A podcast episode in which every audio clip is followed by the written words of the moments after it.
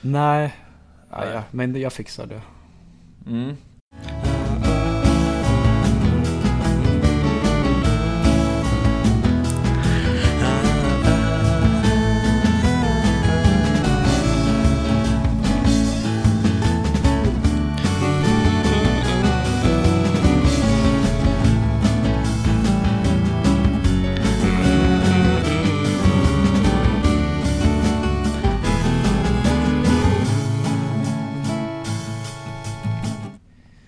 Men, Jag vet inte, vi kanske väl, eh, nu har vi så här småpratat lite om ljudinspelningar och sånt, men vi kanske direkt ska hälsa våra lyssnare välkomna till våran podd som jag inte vet vad den heter eller vad den ska handla om eller någonting än så länge. Nej, vi kommer nog fram till något. Ja, hej och välkomna.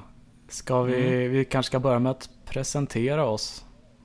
Ja, ja eh, jag heter Ante Wiklund. Jag eh, har en annan podd som heter Kungpodden som går igenom alla svenska kungar i kronologisk ordning med en rolig twist kan man säga. Jag vet inte riktigt, den har jag ihop med en kompis som heter Anders William Berg. Annars så är jag eh, illustratör och designstudent just nu. Jag har också haft en podd om Japan som heter Svenne Japan. De här finns att lyssna på om man är sugen på det. Jag tänker att jag vet inte riktigt vad mycket mer jag ska säga om det eller om mig än det. Så jag tänker att jag, jag skjutsar över till dig direkt så får du göra Ja. en typ lika snabb eller önskat lång presentation av dig själv. Du kan göra en jättelång presentation om du vill det. Ja, jag kan bara dra en kort historik genom mitt liv, bara någon minut. Mm. Jag föddes Började i... med en, en man och en kvinna älskade varandra. Precis, en gång i tiden gjorde de det. Eh, jag föddes på Södertälje sjukhus, ehm, växte upp i Enhörna, en liten by utanför Södertälje som det ligger ganska nära typ Nykvarn och Järna och, och sådana Mm. ställen. Där var jag, jag var rätt glad så här under de tre första åren typ sen ehm, Ja, jag vet inte. Sen blev jag jävla deppig unge. Eh, Mina föräldrar skilde sig. Jag mådde dåligt över det. Gick runt så här själv på skolgården typ och bara eh, spenderade tiden. Väntade på att det skulle... Eh, Var ja, över. ja, precis. Jag, jag var ju... Jag var lite så utstött men jag var inte mobbad så det... Jag vet inte. Mm. Rätt så här, eh, jag, jag tror nog att jag, eh, jag håller på att utredas nu för autism så jag tror att det på något sätt kan ha ett finger med i det spelet. Sen, eh, Mm. sen blev jag äldre och ja, började lyssna på, bli intresserad för musik, spela gitarr och sånt. Ehm, På, efter, efter gymnasiet så um, började det, eller jag, jag kan bara, hela mitt liv har jag haft en så här radda av eh, o, händelser av obesvarad kärlek eller vad man ska säga. Mm. Eh, Som på något sätt, jag vet inte, jag, jag lägger av någon anledning väldigt stor vikt vid det. För det mitt, mitt, mitt, väl, eller så här, mitt, mitt högsta mål i livet är att typ någon gång ha en fungerande relation med någon jag älskar och som älskar mig. Så jag, det kanske är också lite så här gräset är grönare på andra sidan att jag upphöjer det så mycket eftersom jag aldrig varit med om det. Mm. Men det, det är saker som jag beskriver rätt mycket i en, en av mina två poddar som jag har. Den, min solopodd som heter En modern rocklåt. Mm. En eh, slags genomgång av din dagbok nästan. Dagboksformat i nära i alla fall. Ja, I, eh, typ. Fast den utspelar sig två år ish. Ja, eller? precis. Eller ungefär ett år från år 2018, slutet av 2018 till mitten av 2019. Precis, det är någon väldigt så här... Det är, det är väldigt inspirerat av eh, Johannes Nilsson och K. Svenssons podd Bibliotek. Mm. Vi kommer ha anledning att komma in på de här, de här namnen som nämns lite mer snart tror jag. Ja, Men du har en annan podd också som heter Musikens makt. just ja, det har jag. Med eh, den eminente Robert Huselius. Mm. Där pratar ni musik, nördar ner er i olika musikämnen. Precis. Jag har lyssnat en del på båda dina poddar. Eh, Ja, jag ska erkänna att jag har inte lyssnat på de två senaste av modern rocklåt. Och, eh, men Musikens makt har jag lyssnat på ett gäng av de senaste avsnitten och det första avsnittet. Och sen så är det ett långt tomrum däremellan som jag inte har lyssnat på än. Ja, Eh, Så. Men jag är ju inte alls en musiknörd, men jag tycker det är ganska trevligt att lyssna på den ändå. Mest för att få lite roliga musiktips och sånt. Ja, vad kul. Nu hade du en ganska så här djupgående, lite mer presentation om vem du är och sånt.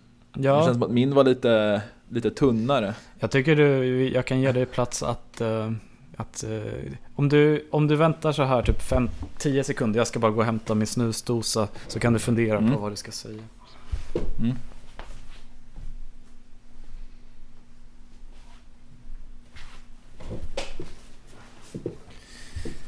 Sådär. Mm. Ehm, jag kan väl fylla i då lite grann. Jag eh, bor ju i Göteborg, du bor i Stockholm. Mm. Eller utanför Stockholm någonstans. Jag vet inte, bor du i Stockholm nu? Just nu bor jag på Skånegatan, eh, Södermalm. Det är ju verkligen i Stockholm. Ja, får man säga. Um, ja, jag bor i Göteborg. Jag är uppvuxen i och utanför Örebro och jag är född i Hamburg. Jag flyttade till Sverige när jag var två. Eh, jag har ju som sagt inte de här musikintressena som du har egentligen. Jag gillar att lyssna på musik som varenda vanlig människa gör. Men eh, jag har liksom inget nörderi Nej. Eh, för det alls egentligen. Jag har också intresse för de här olika personerna som vi har nämnt. Som jag tror att vi kommer nämna ganska mycket i den här podden känns som. För det är ja. här vi på något sätt våra, våra linjer skär sig med varandra när vi pratar om eh, Johannes Nilsson, K. Svensson, Simon Gärdenfors, specialisterna och så vidare och så vidare. Podd-Sverige och Humor-Sverige. Ja. Eh, vi har väl egentligen, vi har ju aldrig träffat varandra inom citationstecken på riktigt utan vi har väl bara haft någon slags kontakt via de här olika grupperna som tillhör de här olika Det här är ju dessutom eh, första gången, det här är ju första gången någonsin vi ens pratar med varandra. Mm. Ja, så är det. Historiskt första ja, ögonblick. Det är stort. Ja. Precis. Ja. Um, så jag, jag, undrar lite, alltså, med tanke på att vi inte vet hur den här podden kommer utveckla sig, eller om den kommer utveckla sig överhuvudtaget. Uh, jag undrar hur mycket den kommer cirkulera runt de här olika figurerna och människorna och hur mycket det kommer bli liksom en, en cirkelrunkande podd om, om det här på något sätt. För vi har ju inte så mycket annat som är liksom våran inom våra gemensamma sfärer så att säga. Men det kanske man hittar nya sådana saker också under tidens gång. Ja, jag, jag tänker tillbaka till eh, första gången vi skrev med varandra. Det var, eh, det var när, eh, jag ska väl inte spoila någonting till modern rocklåt, men en rätt jobbig sak hände och eh, jag blev helt och hållet liksom krossad och bara ner i, djup liksom svacka. Och, mm. fast det var, och jag hade, de sen, alltså några år tidigare hade jag varit, alltså min politiska bana har gått väldigt hejvilt. Det började typ när jag var 11 och upptäckte Flashback och då rycktes jag väl med i de vindarna som blåste där. Så jag blev lite såhär mm. SD-sympatisör. Och eh, sen efter ett tag blev jag lite så här högerlibertarian, typ någon form av ultraliberalism. Sen assimilerades jag in, in i liksom radikalliberalismen eller PK-vänstern eller vad man ska säga. Men... Radikalliberalismen slash PK-vänstern. Ja, ra radlib, radlib brukar ja. man ju säga. Ja. På. Jo. Och eh, då lyssnade jag mycket på Lilla Drevet som där K var med som vi nämnde. Och eh, i ett avsnitt då nämnde ju Ola Söderholm en podd som två kommunister, en från Örebro och en från Uppsala, eller en som bodde i Uppsala, hade tillsammans. Och då började jag lyssna på Marcus och Malcolm. Mm. Och eh, under de åren som gick då hade jag blivit väldigt cyniskt, cynisk rent politiskt och bara, vad, fan, alltså typ alla bara, vad, vad fan tror ni ni kommer förändra? För det, var, det fanns en sak jag liksom såg på med någon slags uh, positiv uh, syn och det var just Örebropartiet. Mm. Och då skrev jag till Marcus minns jag, men jag tror inte han såg mitt meddelande för att man inte var vänner på Facebook. Men mm. jag, hade, jag hade sett dig i några eftersnacksgrupper. Och mm. jag eh, hade väl gått in på din profil någon gång och då märktes det att du hade viss koppling till, till Marcus. Mm. Ja, jag har ju känt eh, Marcus Allard i några år, ända sedan Ung Vänstertiden eh, kan man väl säga. Jag har varit med i, i Örebropartiet sedan det startades också. Ja, du har illustrerat eh, logotypen för Örebropartiet. Mm. I samband och tillsammans med Marcus då. Mm. Ja, eh, det var första gången vi hördes av tror jag, när du hörde av dig till mig. Ja, Och precis. typ På tal om det ämnet så att säga. Ja, och ehm, nej men jag, det var en sak jag reflekterade över då, att jag tror att jag har ett väldigt bra namnminne. För jag minns att jag, för du hade, du hade rätt många gånger så här i kommentarsfält i specialisterna-gruppen växlat så här ord med personen jag kallar för Jenny. Och Mm. eh, jag minns bara att jag nämnde någonting om att det var kopplat till det som jag mådde väldigt dåligt över och du bara, "Jaha, nej, vem är det? Ja, ja, jag visste inte vem det var. Eh, kan vi säga att ofta när man, när jag i alla fall, pratar eller växlar ord med folk i de här olika Facebookgrupperna så lägger jag inte riktigt på minnet vem det är som jag pratar med. Eh. Om det inte är någon som jag halvkänner eller har pratat med väldigt mycket. Så att jag hade ingen koppling till den människan. Om det nu är, alltså för lyssnare så är det här alltså ett slags, en, en person i din eh, självbiografiska podd. Precis. Så att eh, man kan försöka hålla någon slags öppenhet i att förklara med alla Mm, namnen jo, som vi kommer nämna och prata om. Ja, ehm, men nu sitter vi här det gör vi. efter det här. Precis. Eh, och eh, ja, jag vet inte, det var väl, jag kommer inte ens ihåg, var det du eller jag som hörde av oss och frågade om vi skulle podda ihop? Ehm, jag, jag har för mig att du skrev till mig när jag hade börjat med en modern rocklåt och att du hade lyssnat Mm. på några avsnitt och tyckte om det och du skrev att, det skrev att du hade velat göra något liknande liksom Mm. berättande men också att du funderade på någon annan slags podd helt enkelt. Eh, och då eh, Ja, jag skrev att jag, jag är öppen för att podda.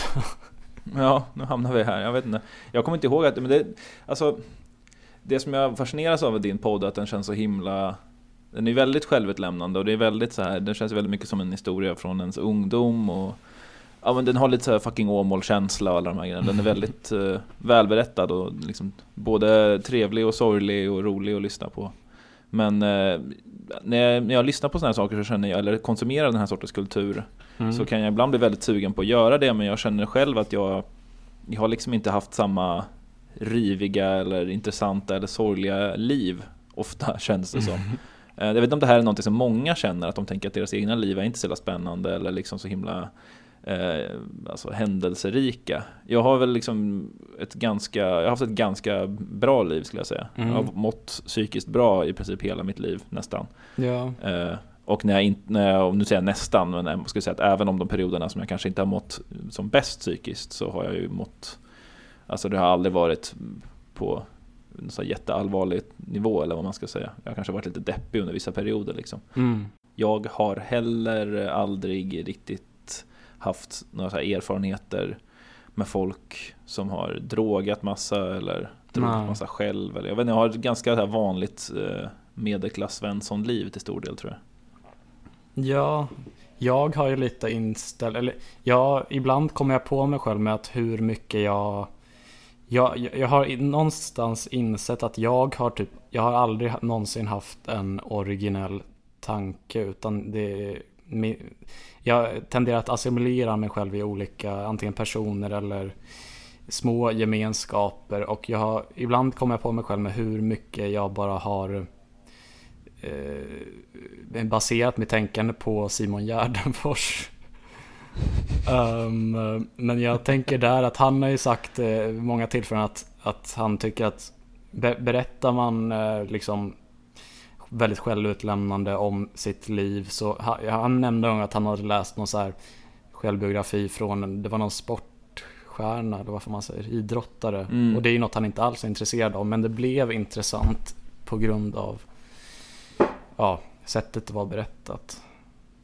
Ja, det kanske egentligen ligger i självbiografins kärna att även det mest ointressanta är, blir intressant av någon anledning. Så Ja. fort det blir lite ärligt typ. Jo men precis. Mm. Ja, där har vi någon slags inramning av oss antar jag. precis Ehm, ja. Du, eh, du kom in i inspelningen med två ämnen egentligen som du har sagt i förväg att du ville prata om. Just är de fortfarande ja. aktuella eller har du bytt? Eh, jag kan ta upp en av de sakerna. Vilket är att jag, jag, jag nu bor jag på Skånegatan då, men jag flyttade för så här tre veckor sedan efter att jag hade fått ett... eh, ja, jag satt hemma och var, var rätt glad så här, det var en lördagkväll.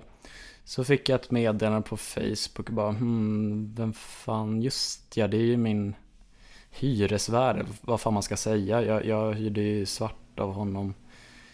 Mm. Och han skrev att eh, du måste flytta omgående.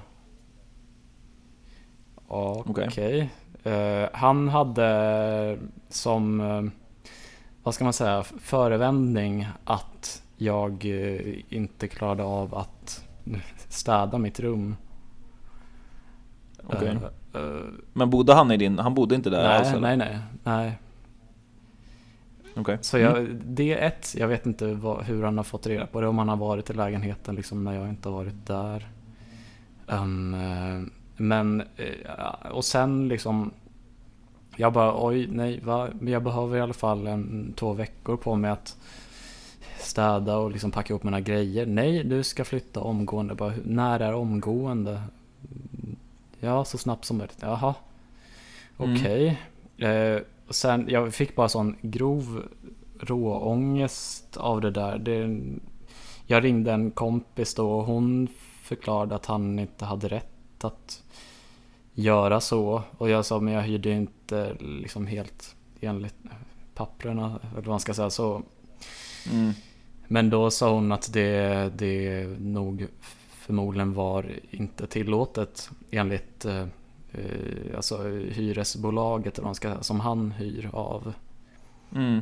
Så då hade jag lite leverage, om man ska säga en hävstång. Att Ja, lite sätta emot. har du någonting att komma tillbaks med. Ja, mot honom. så då Mm. sa jag så här, men jag behöver två veckor. Och då skrev han så här, har du knarkat i min lägenhet? Jag bara, va? va? Nej, var var har du fått det ifrån?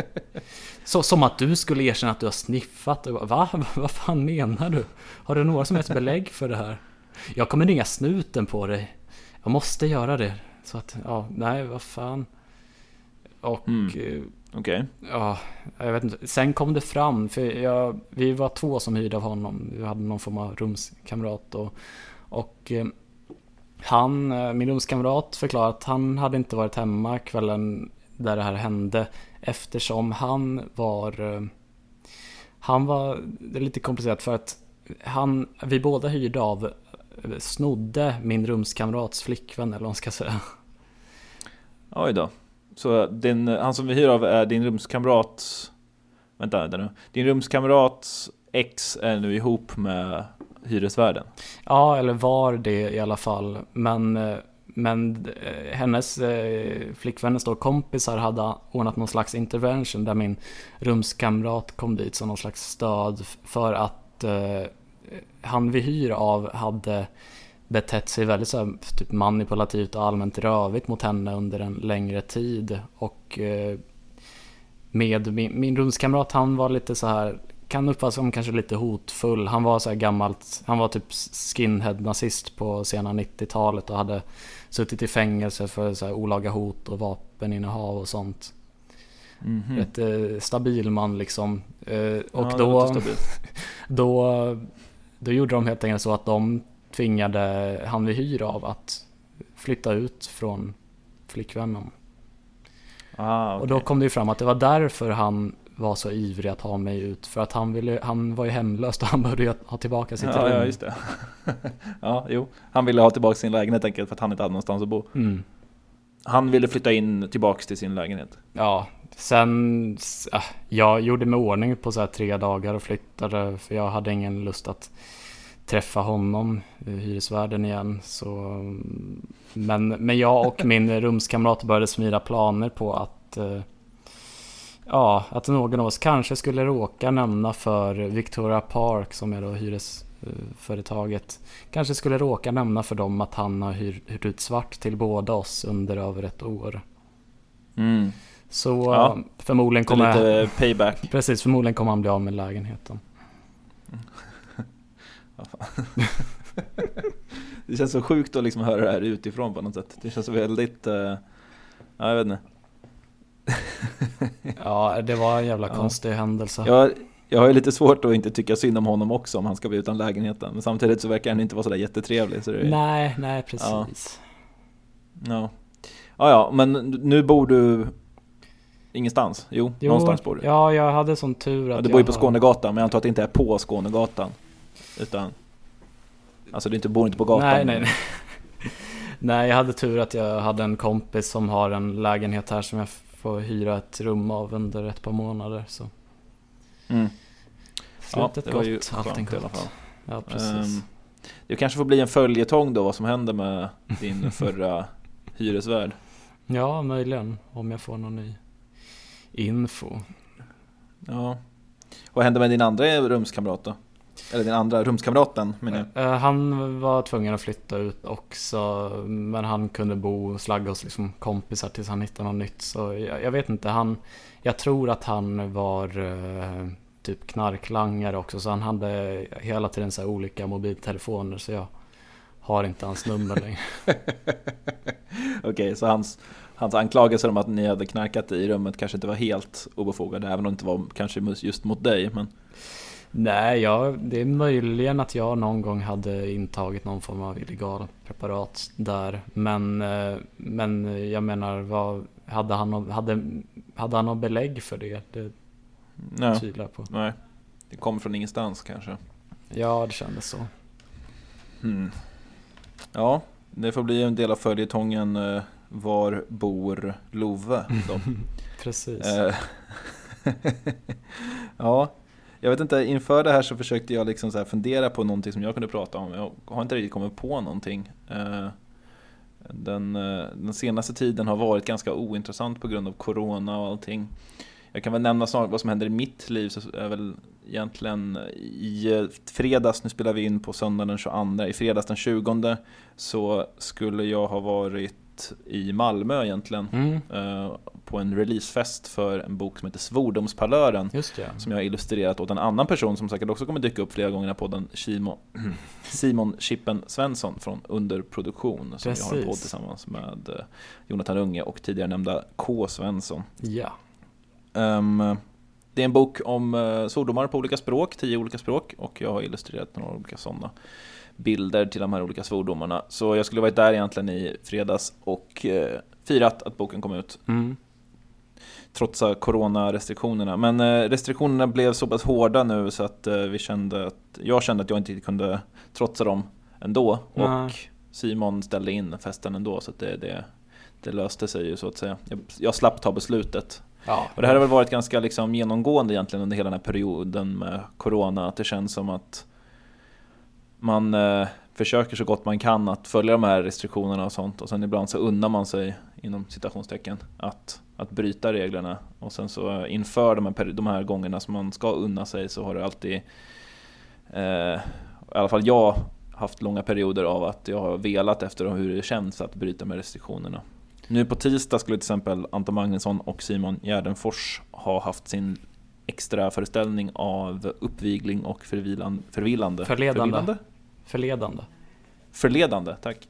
Uppvigling och förledande av ungdom. Eh, en liten extra föreställning av den som skulle vara coronaanpassad på 50 pers. Men från och med just den dagen, den 24, mm. så det gäller ju den nya åtta personer regeln så att det sket sig ju det också. Och det var lite skönt att höra från Simon själv att det blev inställt så att inte jag behövde ta ja, ställning i huruvida jag behöver göra det eller inte.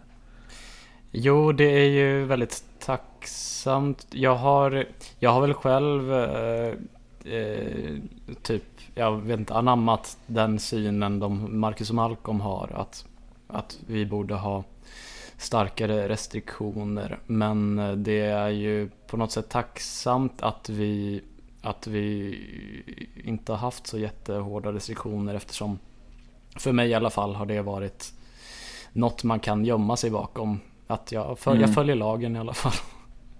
Jo, precis. Och det är ju som du säger, det kan vara skönt ibland att säga det att jag följer i alla fall lagen. Samtidigt så kanske det inte känns helt reko ändå. Jag vet inte riktigt, jag, jag flippfloppar lite det där alltså. Ibland så blir jag ganska seriös med att försöka följa restriktionerna till punkt och pricka och ibland så släpper det lite grann. Det blir svårt också på något sätt. Nu är det ju här så jävla tråkigt tema för att det känns som att alla, jag vet inte. Det känns som att, det känns som att regeln har varit att försöka inte prata om corona i poddar överlag. Samtidigt så har ju det här börjat ta så pass stora proportioner att det känns som att det är lite omöjligt att inte prata om det. Ja, jag har mest bara så här, det skrev jag med det nog, att jag störde sig väldigt, att jag har inte lyssnat, eller jag lyssnar ibland på specialisterna då, men jag slutade lite att lyssna i och med att Corona kom för att jag eh, det blev en sån diskrepans mellan deras inställning och eh, Marcus och Malcolms inställning. Mm. Jag var mer, trogen den det kan vara bra sak att påminna sig om att man kan lyssna på poddar och uppskatta saker som folk gör, även om man inte håller med dem om allting, tycker jag. Jo, jo uh, såklart. Men jag förstår vad du menar, att ibland så, det har hänt lite alla möjliga poddar, att jag har haft svårt att lyssna på dem för att jag har stört mig på vissa saker, och sen så bara försvinner det. Liksom, mm. Det är inte ens kvar längre känslan av att jag ogillar det någonting som har tyckt, utan det är bara någon slags liten känsla kvar som ligger där och, ja. och gnolar, att, man in, att det var någonting man inte riktigt uppskattade. Eh, mm. Men eh, ja. Förutom det så var jag på Lidl i, i torsdags och ja. köpte Lidl-skor klockan oh. åtta på morgonen. Jag var, jag var där. Vinter, vinterkängor? Vad? Vinterkängor eller? Ja precis, de hade någon jävla grej att de i två dagar skulle sälja Lidl sneakers oh. för 150 kronor som var någon slags jävla det var någon slags limited edition grej och då tyckte jag några kompisar att det skulle vara en flippig sak att gå dit och köpa ett par skor. Men det var ju fan, alltså det var på Lidl utanför Göteborg, eller det är ju Göteborg men på hissingen mm. Ganska liksom bort från stan. Men det var ändå en ganska lång kö när de väl öppnade. Ja. Så det var ju folk, och folk sprang till de där jävla skorna och köpte typ 10 stycken. Um, ja. Jag köpte ett par för att jag, jag vill inte bidra till den här jävla scalping-ekonomin. Um, jag tror också att de flesta har nog inte lyckats sälja dem för så jävla mycket pengar. Jag tror att den där crazen la sig ganska snabbt. Jag såg några som så här såldes för 5-6 tusen, men jag tror inte att det var någon som faktiskt köpte dem. Jag tror att de bara försvann sen. Ja, det, det, det känns, de märkte att ingen vill ha sådana. Det känns lite som, för att dra en riktigt gammal referens, men för några år sedan där eh, det var ett väldigt populärt mobilspel som hette Flappy Bird. Mm, just det. Eh, som eh, sen togs bort från App Store och då var det massa folk som försökte sälja sina mobiltelefoner som hade kvar spelet på typ Ebay. Mm. För höga summor, men jag är osäker på hur, hur framgångsrikt det var. Jag tänker mest bara själv att eh, om jag hade gärna köpt ganska många sådana skor, men i så fall för att de var så billiga för att jag för att man ska ha skor till ja, när man slitit ut ett gammalt par. Mm. Så. Man kan säga att det märks på dem att de kostade 149 kronor. De är helt okej, okay. de, är, de är jättekonstiga att ta på sig. De är skitsmå att ta på sig, men de känns helt okej okay när man eh, väl har på sig. Dem. Mm. Typ, de har liksom ingen tunga, alltså den tungan på, på, på eh, sneakers som är över foten, liksom, den sitter fast i hela skon. Okay. Men den, men den ska försöka se ut som att den inte gör det, så det känns bara, jag vet inte, det känns lite som att man har på sig en överdimensionerad socka typ. Men det, Ja. ja, jag vet inte. Jag, jag brukar säga att Lidl är Guds gåva till mänskligheten. Jag älskar Lidl. Som tysk så kan jag, måste jag ju bara hålla med. Ja, precis. Det är underbart.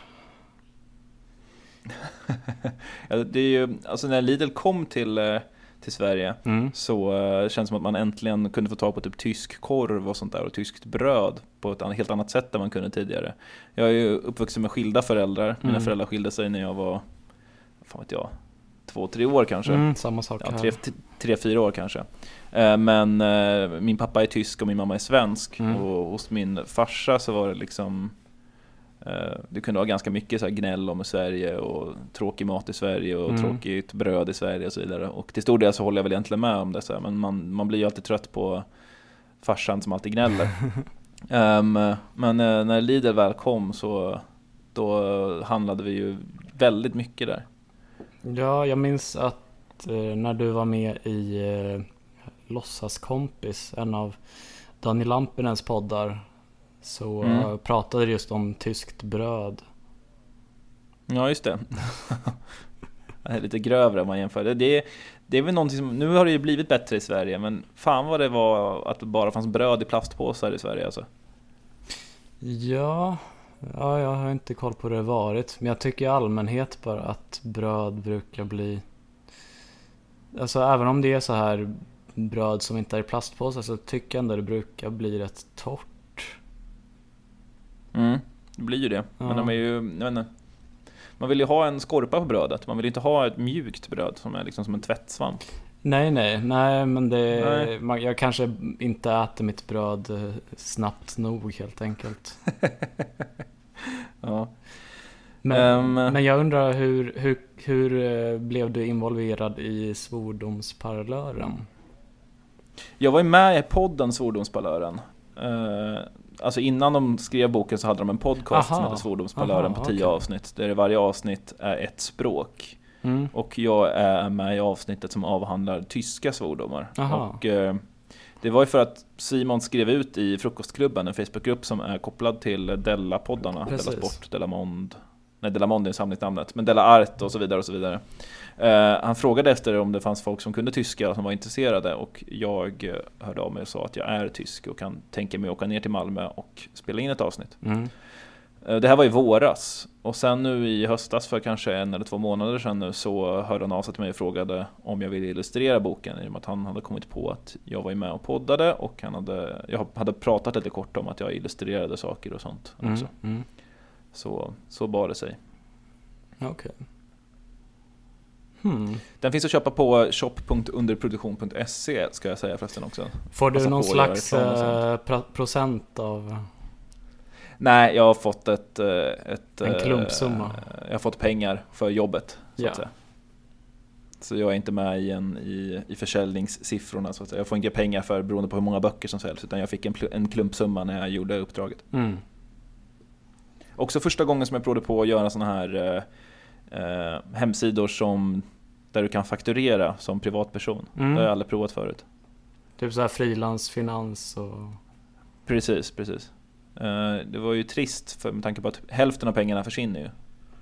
Mm. I, I skatt och i typ vad de kallar övriga avgifter. Vilket jag inte riktigt vet vad det betyder. Men, ja, ja hmm. jag eh, hade nog, eller jag har så dålig koll på så här företagsekonomi eller sånt. Men jag hade väntat mig att även swisha pengarna. Jo, jag tänker att alltså, jag har inte heller bra koll på sånt där. Men eh, Simon frågade om man kunde betala via en sån där grej eller om jag hade ett eget företag. Och jag tänker att Simon som ändå driver ett företag kanske vill försöka göra det så mm. snyggt som möjligt. Eh, så att inte han får eh, problem. Men, och jag tyckte också det var lite intressant att prova på att ja, göra ja. så här. Jag tänker att om jag ska jobba med sånt här i framtiden så måste jag väl vänja mig vid att göra det så också. Ja, eller om du startar en egen firma. Mm. Ja, fy fan. Det kommer väl behövas göras till slut. Men eh, det ser jag verkligen inte fram emot. Det, låter så jävla krångligt och läskigt. Ja, men alltså det, det är ju något väldigt... Eh, med alla de här komikerna som har olika små företag. De tjänar ju tillräckligt mycket pengar att de kan anställa en revisor. Så mm. då tänker jag att det blir mycket, mycket lättare. Men när man inte jo. befinner sig på den nivån så... Ja. Jo, jag kommer ju inte ha en revisor. Min eh, sambo har eh, pluggat företagsekonomi i okay. typ en termin eller ett år eller någonting. Så hon kanske kan hjälpa till. Mm, Men eh, hon har lite annat för sig också.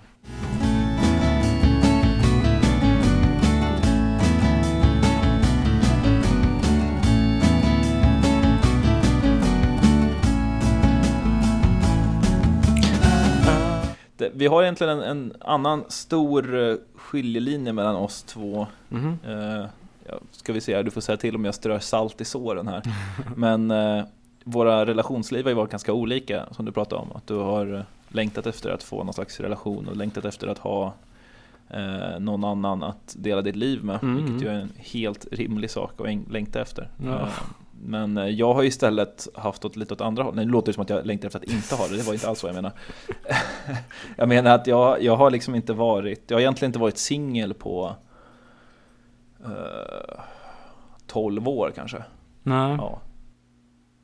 Um, och jag har haft en, tre olika flickvänner som egentligen har varit här riktiga flickvänner. Mm. Och jag har i princip hoppat mellan dem ganska direkt. Haft väldigt kort mellanrum mellan dem. Um, och haft ganska långa förhållanden. Så att, uh, jag vet inte, det är... Uh,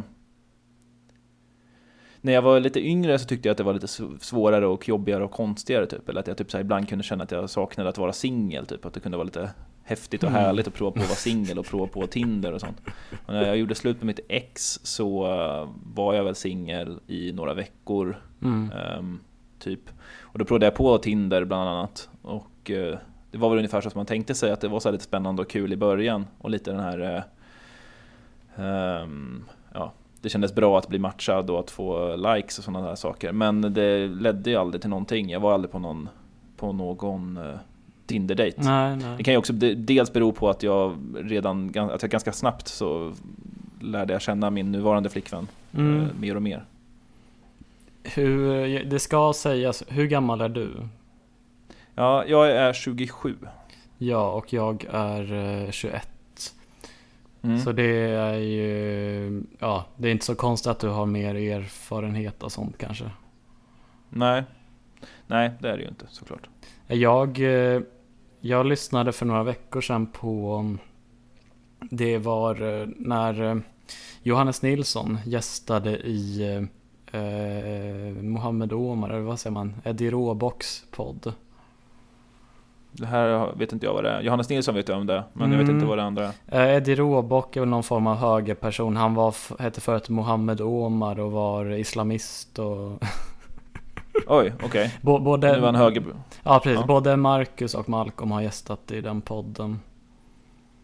Mm -hmm. um, men där pratade de om just Tinder och uh, Johannes hade lite så här, man märker ändå av hans på något sätt eh, så här vänsterkulturbakgrund. För han hade den här eh, lite hårda tonen typ att, till så här incels. Att det är folk som har för höga förväntningar och bara Det är ingen eh, garanti att någon kommer älska dig. Och eh, jag lyssnade på det och kände lite, ja, jag kommer kanske aldrig träffa någon. Jag, jag har ju liksom de senaste åren känt mig lite som en, en incel som har haft tur ett antal gånger. Mm, ja, men alltså är inte alla människor typ så då? Att man ibland har tur och ibland har man inte tur. Jag vet inte, det känns också som att ordet kärlek är ganska konstigt egentligen. Jag vet inte om det Alltså, jag inte, det kanske bara är jag som tycker att det är så svårt att ta fast på vad det är, men det känns som att man, man, vi idag lägger ganska mycket vikt vid kärlek och vad det, vad det innebär och sånt och att det ska vara så himla viktigt och sånt. Men det kan väl egentligen Oftast kan väl kärlek bara vara att man trivs med varandra och tycker om varandra. Mm. Och det måste inte vara den här liksom Hollywood-kärleken. Nej, nej, precis. Jag insåg nu förresten också att när du pratade om Johannes Nilsson, av någon anledning så tänkte jag på Johannes Finnlaugsson och tyckte det var jättekonstigt att han var med i den där podden. För jag fattade verkligen inte alls vad han hade okay, där Men okay. nu fattar jag att det var Johannes Nilsson du pratade om. Jag vet, ja. ja. Det blev bara en konstig bild i huvudet. Men, ja. jo, jo, verkligen. Nej, men jag... Eh, jag eh, känner väl så att jag... Eh, det, det är klart att det, det, är kul och spännande att vara förälskad i någon. Men, men ibland har jag... Om jag tänker på så min mormor och morfar som... De äh, träffades när de gick i gymnasiet. Och de... Äh, ja, nu så här över... Över 50 år senare så är de fortfarande gifta och tillsammans. Och det, de har ju inte varit förälskade ens hälften av den tiden, skulle jag förmoda. Nej, om man, om man tänker på förälskad bara som den här liksom pirriga känslan som man har det första liksom året eller någonting, som man är mm. tillsammans med någon. Mm. Eller när man precis har börjat känna någon, att det är verkligen den här, eller lära känna någon. Och den här pirriga, spännande känslan och allting känns jättehäftigt och det är liksom Eh, snurrar i hela huvudet och sånt. Den känslan lägger sig ju alltid till slut. Alltså att vara nykär är ju ingen i evigheter. Och det känns lite som att det är den bilden som kavlas ut, att man ska vara nykär i evigheter. Johannes Nilsson har också en podd med, med tidigare nämnda Malcolm Schune som ja, heter eh, Herrklubb. Herrklubben. Där ja. de pratar lite om det här med Tinder och sådana saker. En ganska bra take. Och lite om hur kärlek och relationer har förändrats från att det liksom har varit en Alltså idealet har väl egentligen varit att man har hittat någon som kan vara ens vän. Mm. Och så har man en bra vänrelation eh, som är liksom lite mer än vän men ändå, alltså att kärlek måste egentligen inte vara så mycket mer än en väldigt bra vänrelation. Nej. Någon som man kan leva med då. Nej precis, de har ju tagit upp det här gamla exemplet med hur, hur man såg på förälskelse. För, alltså, de har ju tagit upp det här med, med Romeo och Julia. Att eh, Mm. det nu för tiden ses som någon slags lovsång till den ungdomliga kärleken. Medan när den kom så var det egentligen bara vilka jävla korkade ungar som riskerade så mycket för Jo, precis. Det är lite en annan... eh, Hur, hur vi ser på den, hur vi tolkar eh, Romeo och Julia kanske har förändrats lite grann. Ja, Man kanske kan välja att tolka den, tolka den på olika sätt också. Att det kanske inte är en vacker, fin historia om att de offrar allt för kärleken, utan snarare en historia om hur korkade ungdomar kan vara som inte fattar att livet går vidare oavsett. Ja, jo, nej, men jag har väl Jag har väl lite tänkt på så här, jag skulle gärna eh, vara tillsammans med någon som jag är attraherad av, som är attraherad av mig, som jag tycker om mycket, alltså man klickar hjälpligt eh, och, och står ut med varandra liksom. Men, men Mm. problemet är ju bara att hitta en sån person för mig i Jo. alla fall. Jo, det är ju inte så lätt. Ehm, eller ja, alltså det, för vissa är det ju väldigt lätt, för vissa är det väldigt svårt. Jag tänker att det mycket handlar om att vara i olika sociala relationer och sammanhang där man träffar massa nya människor. Jag och min sambo träffades på jobbet till exempel. Mm. Eller på ett dåvarande jobb. Eh, och tyvärr är det ju så att om man jobbar på Jobbar man på ett sätt eller in i en bransch där man inte träffar så mycket människor och kollegor och sånt så eh, är ju det en ganska stor spelplan som försvinner typ. Jag vet inte, har du, använder du Tinder? Ja, det gör jag. Men där är liksom så här, ja, men om man har tur så liksom matchar man med någon, en person varannan vecka typ. Ehm, Mm. Hur går det till där då? Vad händer liksom när man matchar med någon? Jag har ju väldigt dålig erfarenhet av det här känner jag. Jag har liksom Jag har chattat lite med några via Tinder en gång i tiden. Men eh, det blev ju knappt ens det. Nej, jag har ju lite olika erfarenheter därifrån. Jag minns när jag började med, med det, det var något jag också minns eh, att eh, Marcus berättade om i avsnitten, vad var det nu, sexuellt förfrämligande någonting. Det var tre Mm. avsnitt de gjorde om moderna liksom relationsparbildningen. Mm. Eh, och där Marcus berättade att han i början så här ja, men, Han beskrev det som att det var som när, när man använde typ MSN som ungdom Att man eh, bara skrev, eh, ja, men skrev rätt mycket Bara lärde känna varandra via text Och att han hade från, fått höra från folk att Nej så gör man ju inte Fråga så här vill du ses? Och så ses man och så jag, jag, jag hade också sånt när jag började där att jag skrev väldigt länge med personer. Alltså jag kunde skriva så här två, tre veckor om, om de svarade så länge innan jag frågade ifall de ville träffas. För jag var ju, jag tror att det lite var att jag var väldigt inne i den här eh, vänstermentaliteten. Att jag var väldigt mån om att jag, jag hade hela tiden en, någon slags bild i huvudet av att den här personen, om jag den här personen kommer inte vilja träffa mig direkt för att de, de kan tro att jag är typ en våldtäktsman eller bara en eh, Ja, skum, skum person och jag vill, vill väl att de ska vara bekväma med mig innan jag ber om det. Ja, du vill inte vara på, för pang på rödbetan. Nej precis. Och det, Men jag, ja. tycker, jag, jag känner igen det där, man hade långa så här, chattkonversationer med folk förr i tiden. Och att det, men det, hela chattgrejen har ju dött ut lite grann på något sätt. I och med att här, MSN och sådana saker inte längre är liksom en subkultur i sig. Utan nu är det ju att man så här, skriver sms via Messenger istället. Eller? Ja, precis. Det är ju, det är ju på något sätt att... Eh, jag, jag minns när jag var, när jag gick så här i högstadiet typ så var jag väldigt mycket inne på en sida som he- heter emocore.se. Okej, är det typ, vad heter den, eh, vad fan hette den där? Det fanns ju någon sån där Lunarstorm fast Ja, för eh, helgon. eh. Helgon. Helgon ja. Mm. Ja men det var något sånt för lite så alternativa människor. Och där minns jag att de hade en jävligt bra sökfunktion. Där jag liksom, jag trålade verkligen emocore för, eh, inte sprängkåta brudar men nå- någonting. Där jag liksom ställde in så här De har varit online senaste dygnet, de är född det här året, de är kvinna, de har bild. Och då minns jag att jag gick, in- jag gick in så här, skrev ett meddelande typ, till typ alla jag tyckte var söta eller någonting Men nu för tiden med, med Facebook så jag tänker ändå att du uppfattas som rätt konstig om du bara skriver ett meddelande till någonting, till, till någon mm. out of the blue. Jo, jag tycker att man, jag, tyck, jag tycker folk är konstiga som skickar vänförfrågningar till mig som jag inte vet vilka det är till exempel. Och det är alltså det var en annan grej på, på internet förr känns som i forum och sånt. Att man kunde samtala med folk på ett annat sätt än vad man gör idag i de här ganska slutna mm. Alltså de är, alla sociala medier idag är väldigt öppna men samtidigt ganska slutna för att det är så himla mycket fokus på just följarna och alltså vilka som följer och sånt där. Och just Facebook är ju väldigt kopplat till en sån person också. Ja, verkligen. Nej men eh, så jag, jag, jag, minns bara att jag gjorde så i början på Tinder och jag träffade aldrig någon. Sen träffade jag, det var en av de första sakerna jag nämnde i en modern rocklåt att jag hade mm, min första Tinder-dejt.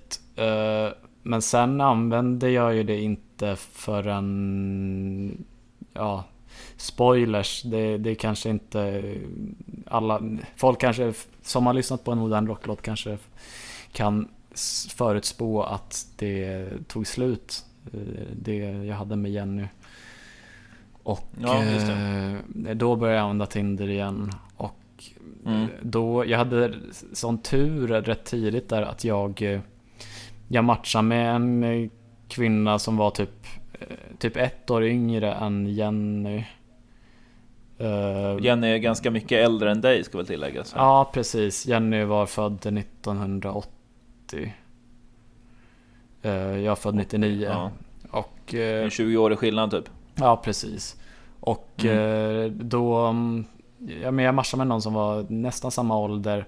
Och hon hade nyligen blivit dumpad av sin pojkvän och mådde väldigt dåligt av det. Så vi var lite så här, vi, vi, vi grävde ner oss i ett jävla dike och bara var miserabla tillsammans och, och mm. skrev. Mm. Och då, då ändå efter, frågade vi om att ses ganska snart. Och sen gjorde vi det. Och eh, ja.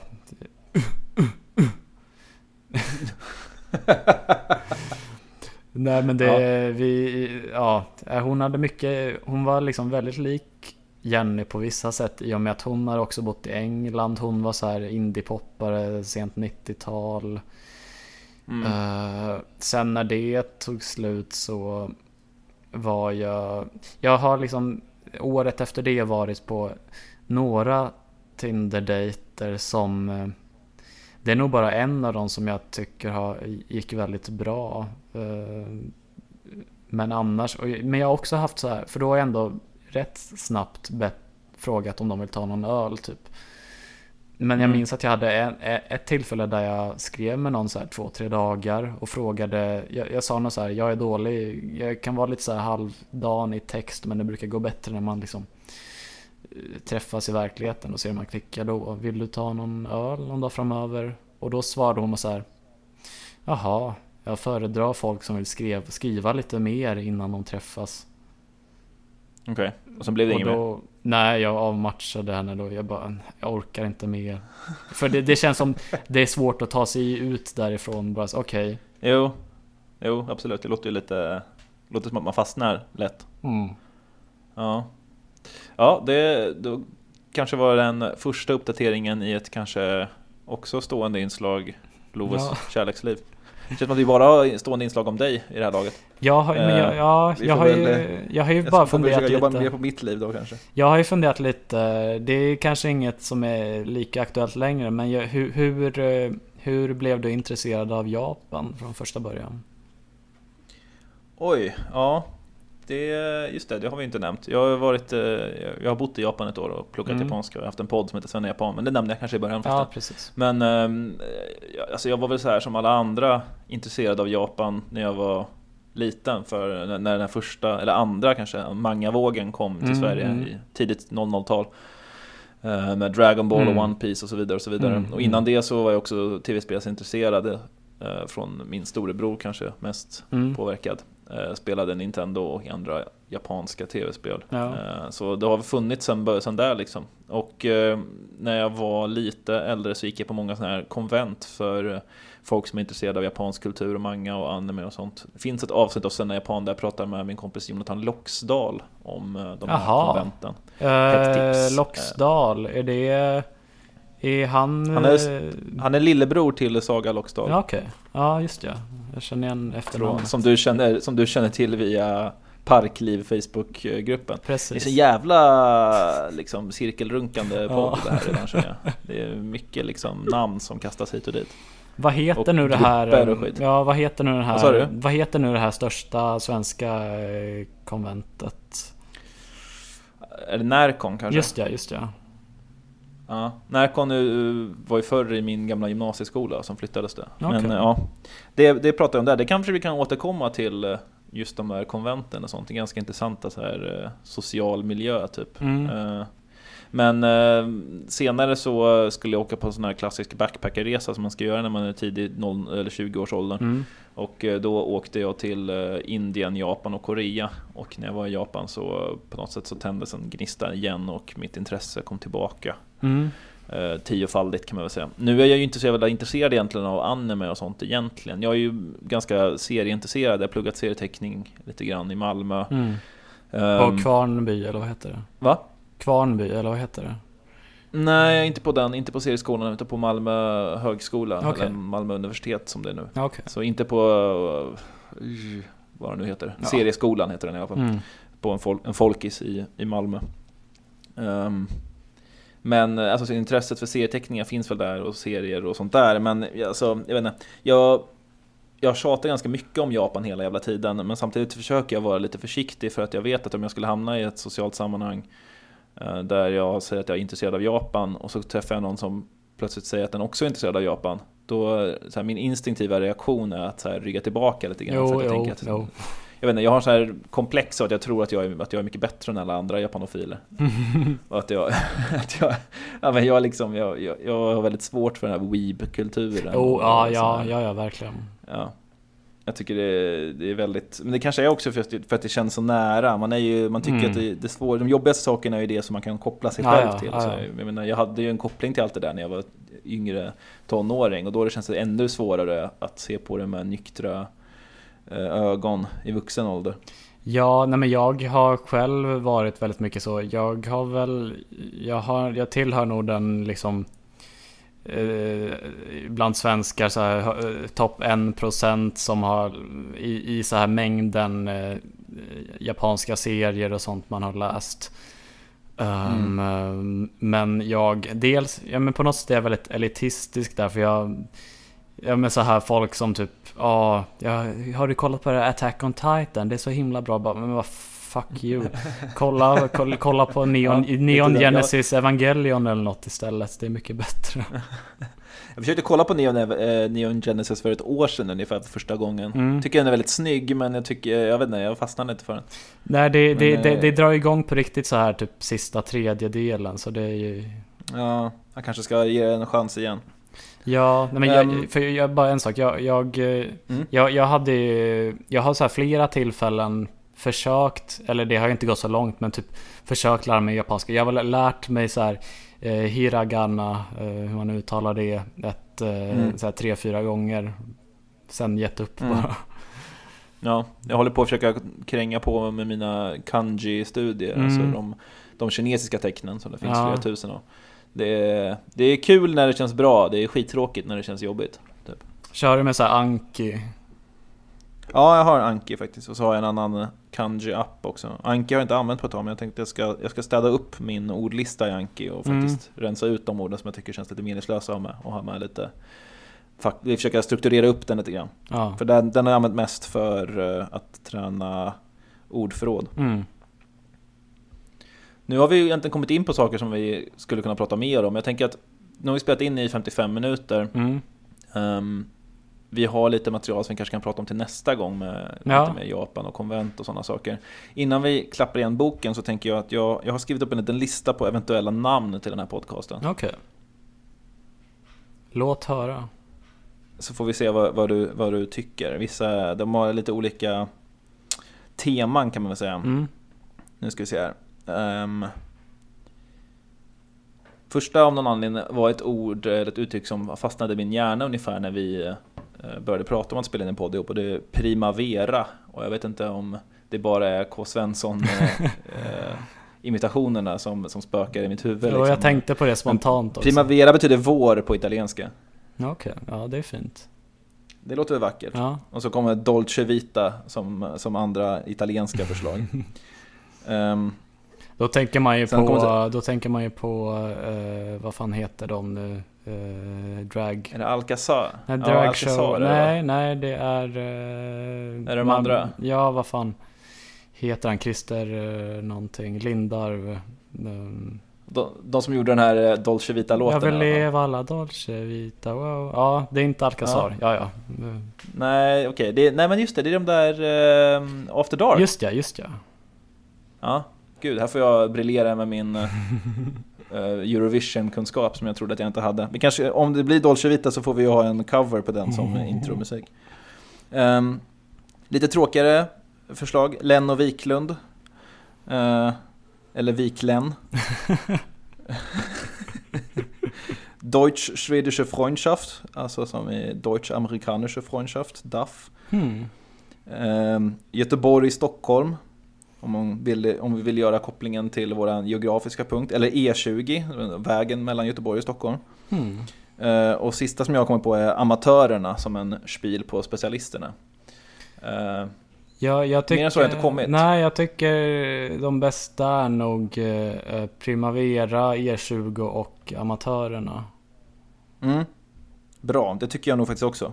Mm, De, eh, de känns roligast på något sätt. ja. Bra, då har vi ju då har vi i alla fall eh, sorterat bort de flesta. Så får vi se vilket det landar i och om det landar i något av de här överhuvudtaget. Ja, Och om vi landar i något fram tills nästa avsnitt. Men vi kanske ska slå igen boken där så har vi en fin och snygg timma av inspelning där. ja, det låter bra. Mm, grymt. Kul att lära känna dig lite mer. Eh, Ja, vi får väl se det. hur det blir mer med det här projektet. Men tills dess så säger vi väl tack och hej, leverpastej. Ja, hej då.